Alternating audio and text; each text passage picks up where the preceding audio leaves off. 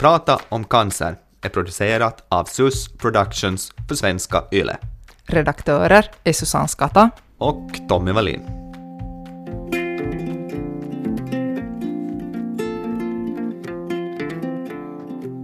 Har du en gång haft cancer så har du alltid cancer, alltså att det finns i tankarna. No, jag tänker att det finns mycket obalanser i kroppen och att kanske en kropp som är väldigt försurad. Nej, att vad har den där för möjligheter överhuvudtaget? Men det har ju ändrat sig nu.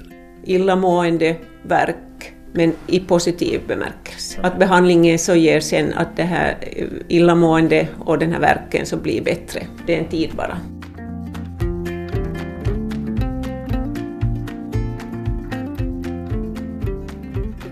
Cytostatika, strålbehandling, operation. En kombination av behandlingsformer.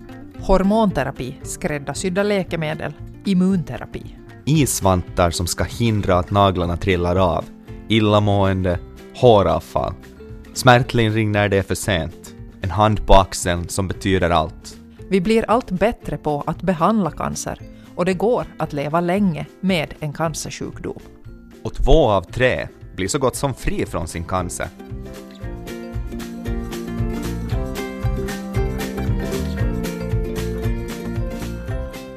Rädsla och oro är ändå en normal reaktion om man känner att något är fel i kroppen. Så här säger onkologen Heidi Bengts. Det är klart att när man är sjuk eller när man inte känner sig frisk, ska vi säga, så det, det, är väl ganska mänskligt att man alltid funderar det värsta först.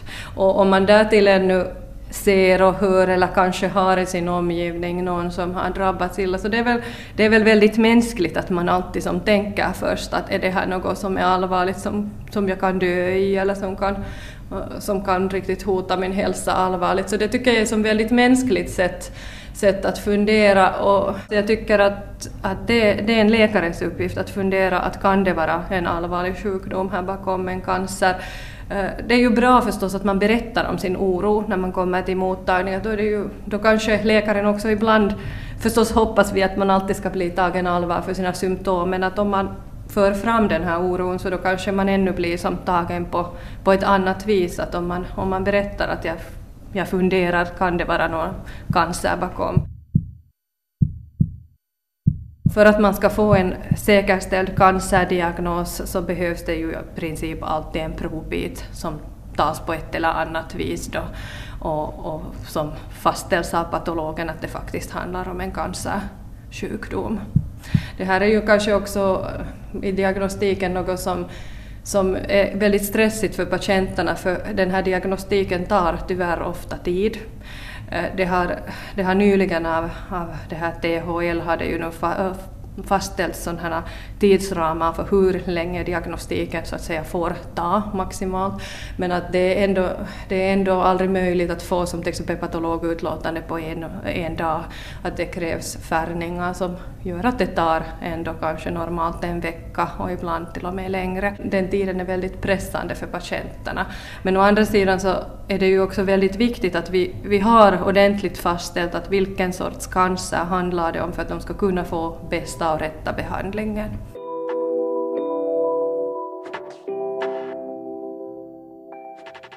Symptom på cancer kan vara lokala eller allmänna. En tumör kan framkalla inflammation, trycka på organ och annat i kroppen och döda omgivande normala celler eller störa nervcellernas aktivitet så att man får psykiska eller neurologiska symptom. Tumören kan bilda och släppa ifrån sig signalsubstanser som kan göra en trött och aptitlös. Blodbrist och akuta infektioner kan vara andra symptom på cancer. Då läkarna bekräftat cancern finns det en rad olika alternativ att behandla sjukdomen. Redan på 1500-talet försökte man behandla cancer genom att skära bort tumörerna, många gånger med dödliga infektioner som följd. Då anestesin utvecklades under 1800-talet och läkarna upptäckte att man kunde tvätta såren med karbolsyra för att undvika infektioner, så blev det större framgång i operationssvängen. Så här berättar cancerläkaren Tom Wiklund.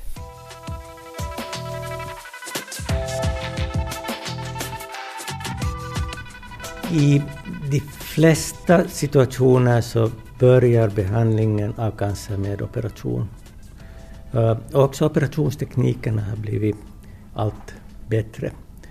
Många, I många situationer så, så har faktiskt operationerna blivit mindre än förut. I vissa situationer har nog också operationerna blivit större så att säga. Man har kunnat konstatera vid vissa cancerformer att, att, att om vid en större operation så, så är prognosen bättre.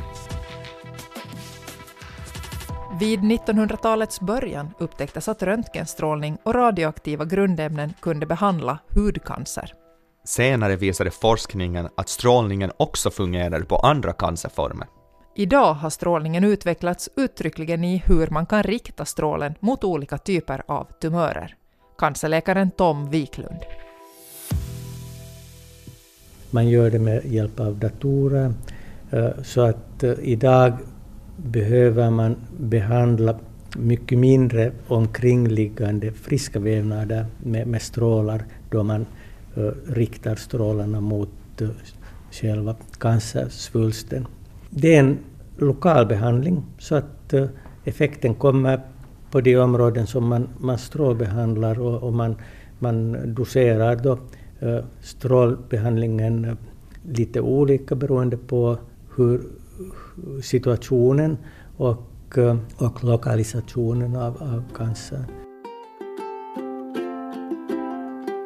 Biverkningar från strålbehandling kan vara till exempel diarré eller att man måste kissa ofta om urinblåsan fått strålar.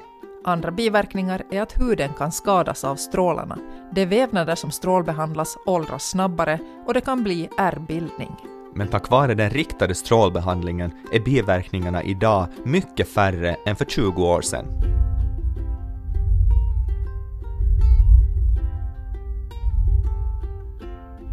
Då en amerikansk truppstyrka i ett bombanfall under andra världskriget utsattes för senapsgas noterade militärläkarna att värdet för soldaternas vita blodkroppar blev onormalt lågt. Det här ledde tanken vidare till att kvävesenapsgas kunde hämma bildningen av onormala vita blodkroppar som uppkommer vid leukemi. Ett avstamp till utvecklingen av cellhämmare, eller det vi idag kallar cytostatika. Cytostatika har också kallats cellgifter och är läkemedel som ges intravenöst som dropp eller i tablettform. Målet med läkemedlet är att döda eller hindra cancercellerna att dela på sig. Vissa cytostatika är tillverkade från naturen och andra på konstgjord väg.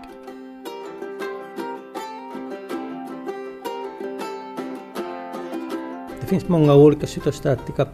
Cytostatika är, är mer eller mindre ospecifikt, vilket betyder att, att också andra celler i kroppen får sin beskärda del av cytostatikan och, och därför har man olika biverkningar. Och biverkningarna kommer oftast från, från sådana eh, organ där, där cellerna eh, delar sig ofta. Det betyder att det, det är från matsmältningskanalen, från blodbildande organen och sen har många av de här cytostatikerna är de förknippade med illamående. 1980-talet var framgångsrikt inom cancerforskningen och det upptäckte som gjordes då om genmutering, celltillväxt och spridning av cancer öppnade vägen för en stor del av de behandlingar som idag används. Vårt immunförsvar har en viktig roll i behandlingen av cancer och år 2011 godkändes de första immunterapeutiska läkemedlen. De hjälper kroppens immunförsvar att angripa cancerceller. Immunterapi utnämndes 2013 av den vetenskapliga tidskriften Science till årets viktigaste genombrott inom all forskning. Stegvis verkar immunterapin komma att ingå i allt fler cancerbehandlingar. Robert Antbacka forskar i immunterapi vid University of Utah i USA. Ja, så det finns flera olika former av det här immunbehandlingarna. Det som jag jobbar med är framförallt att använda ett virus som vi kan aktivera eh, patientens eget immunförsvar. Så det här viruset så injicerar vi direkt in i tumören. Och när det kommer in i tumören så viruset går framförallt in i cancercellerna och inte in i de, vanliga cellerna. Och när det är inne i cancercellerna så producerar det ett nytt virus Och det leder till att de här cancercellerna då som um, exploderar egentligen. Det är dock fortfarande kirurgi och strålning som botar de flesta cancerpatienter. Läkemedel håller tumören i schack och förlänger liv. Eva-Maria Strömsholm drabbades av dysgerminom, en ovanlig form av äggstockscancer, för nio år sedan. Operationer och cytostatika, de avlöste varandra. Det började med en sån kur, en så kallad BEP-kur, som varade i fem dagar och så vilade jag bara helgen. Och så fick jag en tisdag och en följande tisdag och så fick jag fem dagar i rad igen. Eh, så jag, redan efter de här två första dagarna var jag så dålig så jag var, var sängpatient, jag behövde hjälp med allting, jag mådde illa, jag kunde inte äta, jag kunde inte vara på WC. Och det blev bara sämre och sämre. Jag började väga bara 40 kilo, jag klarade inte av att äta och så här. Eh, så jag fick nog hjälp av mamma och pappa med precis allting. Och det var just ut så jag klarade mig att komma till, till cellgiftsbehandling och hem igen, men det var nog ett par veckor som jag låg på sjukhuset också. Men det här var då alltså tredje operationen plus mm. behandling inom bara ett par år? Ja, det var det. Jag fick behandling två månader. Och det var ju som kort tid. Ofta är det att man får ett halvt år ungefär och sex gånger. Men jag fick 22 gånger på två månader. Så det var lite i hästväg. Och det tog ett halvt år innan jag efter en avslutad behandling klarade av att äta normalt och vara ute och gå kanske en kilometer och sitta och se på TV och sådana här vanliga saker. Att jag fick börja riktigt från grunden. Glenn Grips lymfkörtelcancer behandlades i första hand med cytostatika. Att kemoterapi är ju, ju jätte liksom tung. Det är ju inte någon, någon som man skulle säga på engelska walk in the park. Att det är liksom, det, det, det var nog tufft att, att det där liksom... Vissa dagar var bättre och vissa sämre och, och, och vissa dagar kände man sig som en 90-åring och vissa dagar orkar man kanske göra någonting mer. Att, att, jag tror att det där, i, i mitt fall var det frågan om det att när man inte visste vad det var frågan om så då var det var liksom ett hopp in i det där okända så då kanske man liksom klarar av att gå igenom någonting sånt bättre när man inte heller vet vad man har någonting att förvänta sig. Du lät bli att googla inför de här behandlingarna, du var ganska sådär kom in med blankt papper så att säga? Jo, jag, jag ville inte. Det finns så mycket falsk information nu för tiden och, och visst, man måste ju vara liksom källkritisk när man läser grejer men, men jag tycker att det är, det är kanske en viktig del också att man inte, inte sprider disinformation eller någonting som inte liksom stämmer om sådana saker. Och, och, jag ville inte liksom understödja det heller, eller påverka mig själv med att läsa saker som kanske inte sen har någon faktuell bakgrund eller verklighetsbakgrund. Vad fick du för konkreta biverkningar? No, jag, hade, jag hade mycket sån här, till exempel aftan i munnen, sån här som då kommer ofta då när man har nedsatt immunförsvar. Och, och det var jättejobbigt för jag kunde inte äta någonting, jag gick ner jättemycket i vikt till exempel. Och, och kunde inte riktigt tala heller. Och, och sen såklart jättetrött och, och svag och sådär. Jag kommer ihåg att jag tog som mål en dag att gå 50 meter till min närliggande butik och det var liksom den där prestationen för dagen, att vad man orkar göra.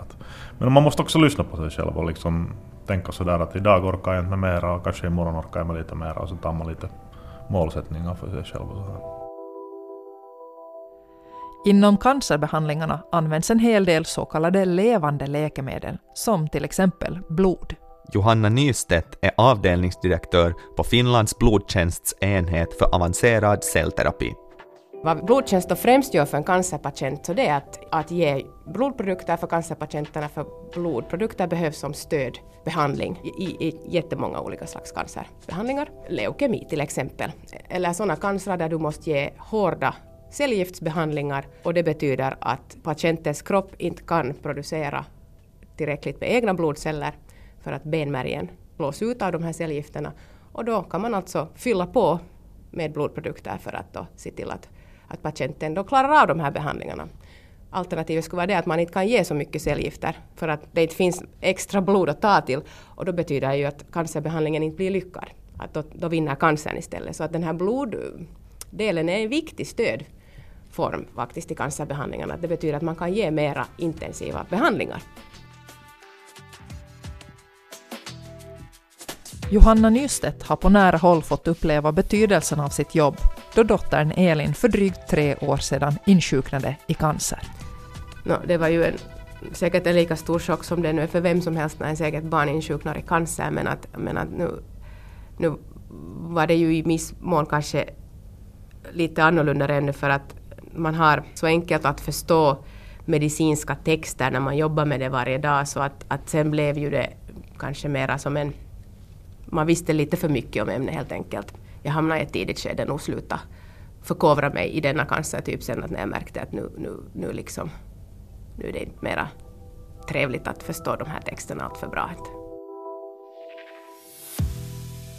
Sen det som jag kanske blev mest överraskad att när jag ändå jobbar på blodtjänst och tror mig veta var våra blodprodukter, hur de används, så nu blev jag ju ändå sen liksom chockad av verkligheten att hur mycket blod det faktiskt behövs i till exempel en barncancerpatients behandlingar. Det hade, jag hade nog inte tänkt mig att det var i sådana kvantiteter det rörde sig i. Vad rörde det sig om då för din dotter? För min dotter så hon fick över 50 påsar olika blodprodukter under ett år. Och det handlar ju då redan om att minst 120 människor har behövts för att ge henne det blod hon behövde under sin behandling. Att när du, om man tänker 120 människor det är jättemycket och då är det ett barn, ett enda barns behov och där finns många andra barn. Vi går under kontroller och allt ser jättebra ut och snart har vi kommit faktiskt tre år från, från behandlingarnas slut så det börjar se liksom lovande ut. Men hon mår jättebra.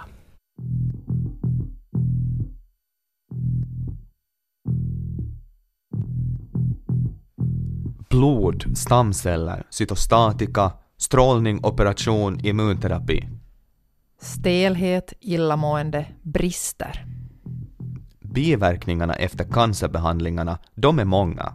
Och frustration över behandlingar som inte biter kan sänka den drabbade. En del väljer då att ta till alternativa metoder, allt från healing och bön till cannabis.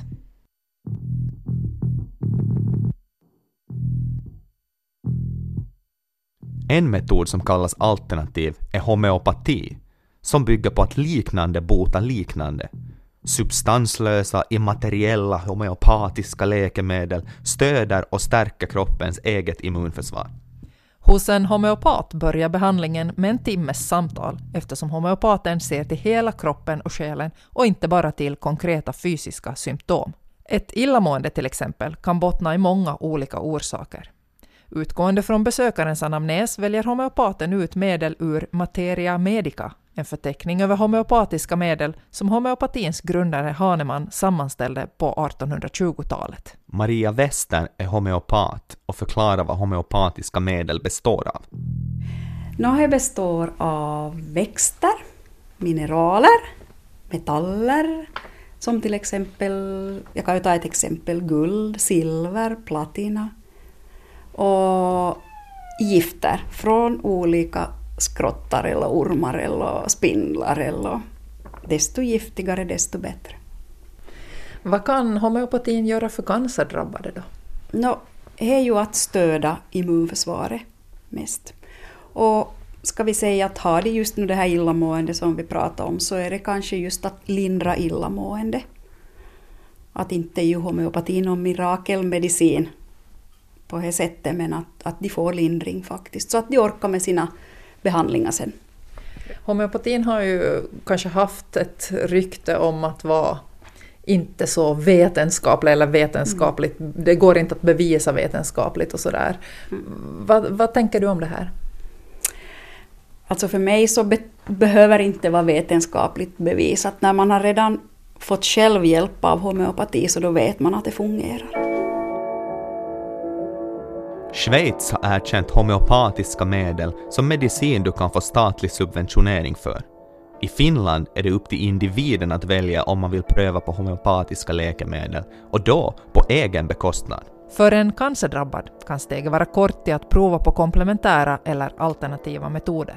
Något som onkologen Heidi Bengts har full förståelse för. Jag förstår det ur patientens synvinkel. Det är klart att speciellt då om man inte kan lova inom traditionella medicinen att det finns möjlighet till, till, till att botas så söker man ju söker man ju det där hoppet så att säga någon annanstans. Och, och inte, vill jag, inte vill jag som hindra någon från att göra det så länge det inte är något som skadar så att säga det andra.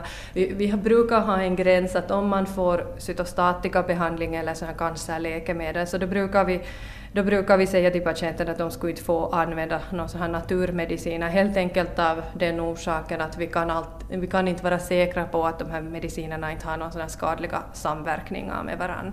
Och, och eftersom vi vet att våra mediciner har ganska mycket bieffekter och skadeverkningar så vill vi inte att man ska som försvåra den situationen med något annat. Men om det är så att vi inte har någon pågående, medicinering så, så är det, tycker jag, upp till patienten själv.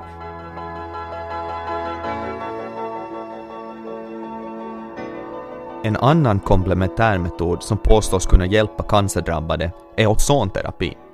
Marika Ainonen är sjukskötare och ozonterapeut. Ozon så gör man utav medicinskt uh, syre och uh, via en ozongenerator. Då måste jag direkt fråga, vad är medicinskt syre? Uh, alltså är rent. Mm, så rent som man kan, kan få. Ozonen har helande egenskaper eftersom det syrsätter ju cellerna i kroppen och, och det här gör att blodflödet ökar. Och, och det här bakterie, virus och parasitdödande egenskaper har det här och påskyndar läkningsprocessen i kroppen. Och, rensa toxiner och är uppiggande och har väldigt mycket olika, olika effekter. Hur går en behandling rent konkret till då? Eh, jag ger främst eh, ozonbehandlingarna via tarmen. Och eh, så sätter jag en liten kateter in i, in i, i ändtarmen och så går ozon via in i tarmen, en liten mängd, det är som du skulle få gas. Som du skulle ha lite mer gaser i magen. Mm. Och så håller man den här gasen i tio minuter ungefär och eh, sedan är det klart. Mm. Vad kan du göra för cancerdrabbade? Eh, det här är ju en, en komplementär behandling, så som jag framhåller väldigt mycket, att man ska ju inte som lämna bort den här sjukvården utan man kan se om man vill så vänder sig man sig om och ser runt efter komplement. Mm. Och till exempel om det här eh, patienten eller klienten tar cytostatikabehandling så, så är det möjligt att ta ozonbehandling mellan veckorna, alltså att man tar varannan vecka. Och det gör då att illamående kan minska och, och det här orken kan öka och liksom mera levnads, mera energi, mera ork för att orka med de här behandlingarna.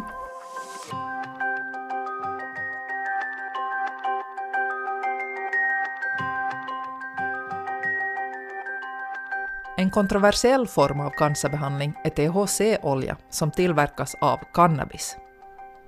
Vi har pratat med en person som av respekt för sina föräldrar anonymt berättar om sitt bruk av oljan.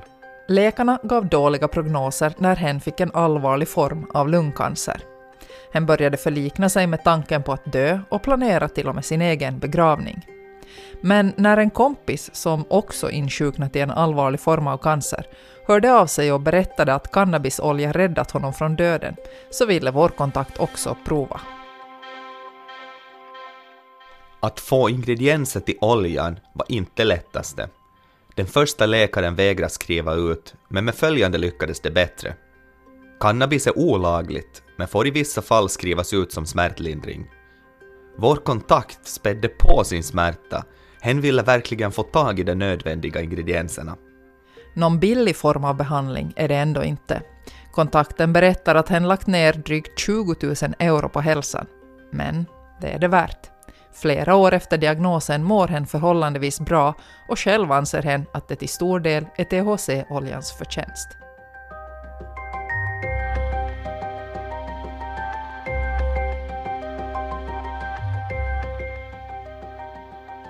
Trots berättelser om cannabisoljans positiva effekter så tror ändå onkolog Heidi Bengts att den inte blir vanligare inom cancervården.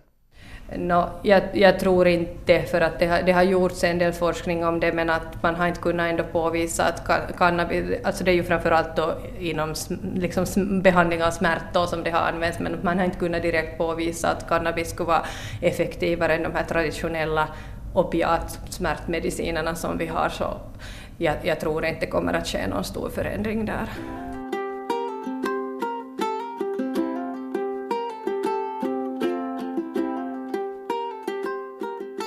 Operation, strålning, cytostatika, immunterapi eller alternativa metoder. För den som drabbas av cancer är det bra att inför behandlingarna tänka på att ha en god grundkondition och att försöka hitta mentala verktyg för att klara pressen.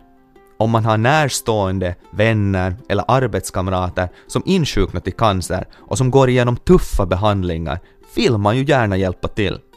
Ett sätt är att mera dela med sig av så kallade lyckliga historier. De som tillfrisknat från sin cancer för att avdramatisera sjukdomen. För den som drabbas är det förstås ändå alltid dramatiskt. Docenten i hälsosociologi, Sirpa Vrede. Det, det, finns människor som är rädda för cancer uh, utan att, att det där egentligen har någon speciell anledning till det. Och det, där, det kanske hänger just ihop med den bild av cancer som vi har.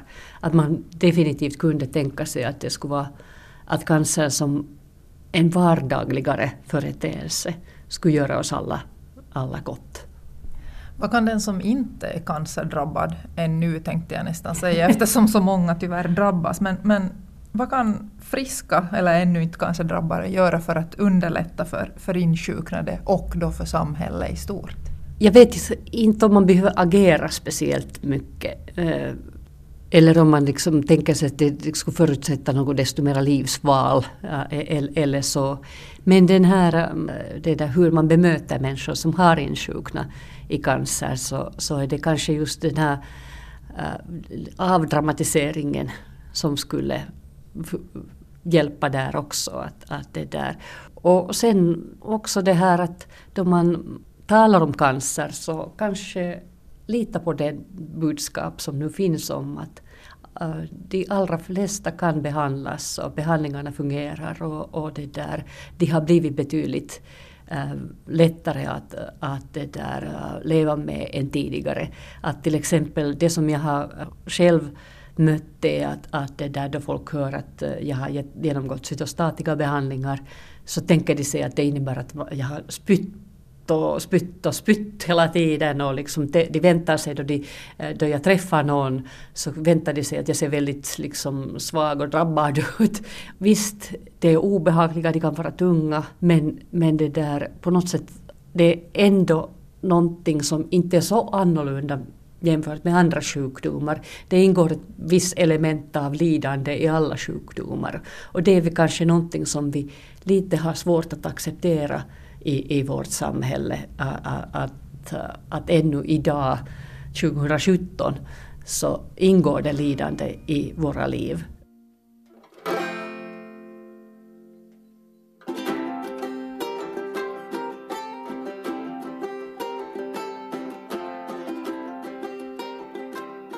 För Sirpa Vrede kom cancern in i livet för knappt ett år sedan. Hon får kurativa behandlingar och har klarat dem ganska väl, eftersom hon var i gott fysiskt skick då hon insjuknade. Lätt är det ändå inte att gå igenom behandlingarna.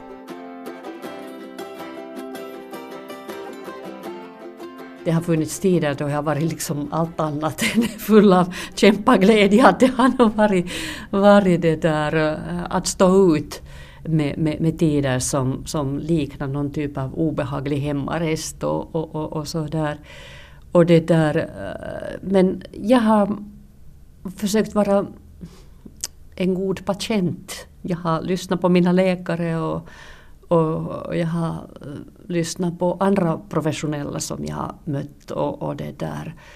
Och, och tagit på allvar det där att jag ska fortsätta leva med mitt liv så mycket som vanligt som, som jag bara orkar och kan. Och, och, och, det som jag har fått som råd är att be, be om hjälp av vänner. Be om hjälp om konkreta saker. Och, och jag har aktivt fattat beslutet om att jag delar det här med mina vänner och ber om hjälp och, och berättar hur jag mår och, och det där. Och, och försöker klara av att ta emot hjälp men också på ett sånt sätt som, som på något sätt passar för olika, olika människor vill hjälpa på olika sätt. Och det, det, men att det har varit en äh, härlig tid av vänskap och, och värme tycker jag på det sättet. Äh, den här tiden som, som jag har levt med, med min sjukdom. Att, att det, det har fördjupat äh, vänskapsrelationer och, och, och det där inneburit på något sätt en närhet av en, en, eh, ett slag som jag inte har känt tidigare kanske.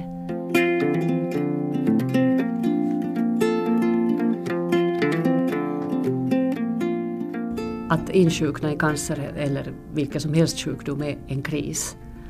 Och eh, det sätter alla bitar i livet i rörelse. Det är inte bara eh, det här fysiska situationen, hur jag kommer att stå ut med behandlingar, utan hela vad kommer att hända med mig. Även om vi kanske aldrig skulle ha liksom, äh, riktigt tänkt ut det så har vi någon slags livshorisont. Vi vet att mormor blev så och så gammal och, eh, och, och det där farmor så och så gammal och så kanske blir ungefär lika gammal då. Och liksom, man har sådana oklara föreställningar om hur livet kommer att bli. Men plötsligt, liksom, alla de före, för, föreställningarna är på något sätt uh, inaktuella. Vad händer med dig? Du har ingen, du, du är liksom som en båt utan destinationshamn. En cancerbehandling är en resa. Frustrationen över att ha insjuknat, men också tacksamhet över att vården håller god kvalitet. Idag finns bättre smärtlindring, biverkningarna minskar och fler blir av med sin cancer. En cancerbehandling är ändå alltid tuff. Krokiga eller spikraka, alla resor räknas. Behandlingarna måste fortsätta utvecklas. Prata om cancer är producerat av SUS Productions för svenska YLE. Redaktörer Tommy Wallin och Susanne Skatta.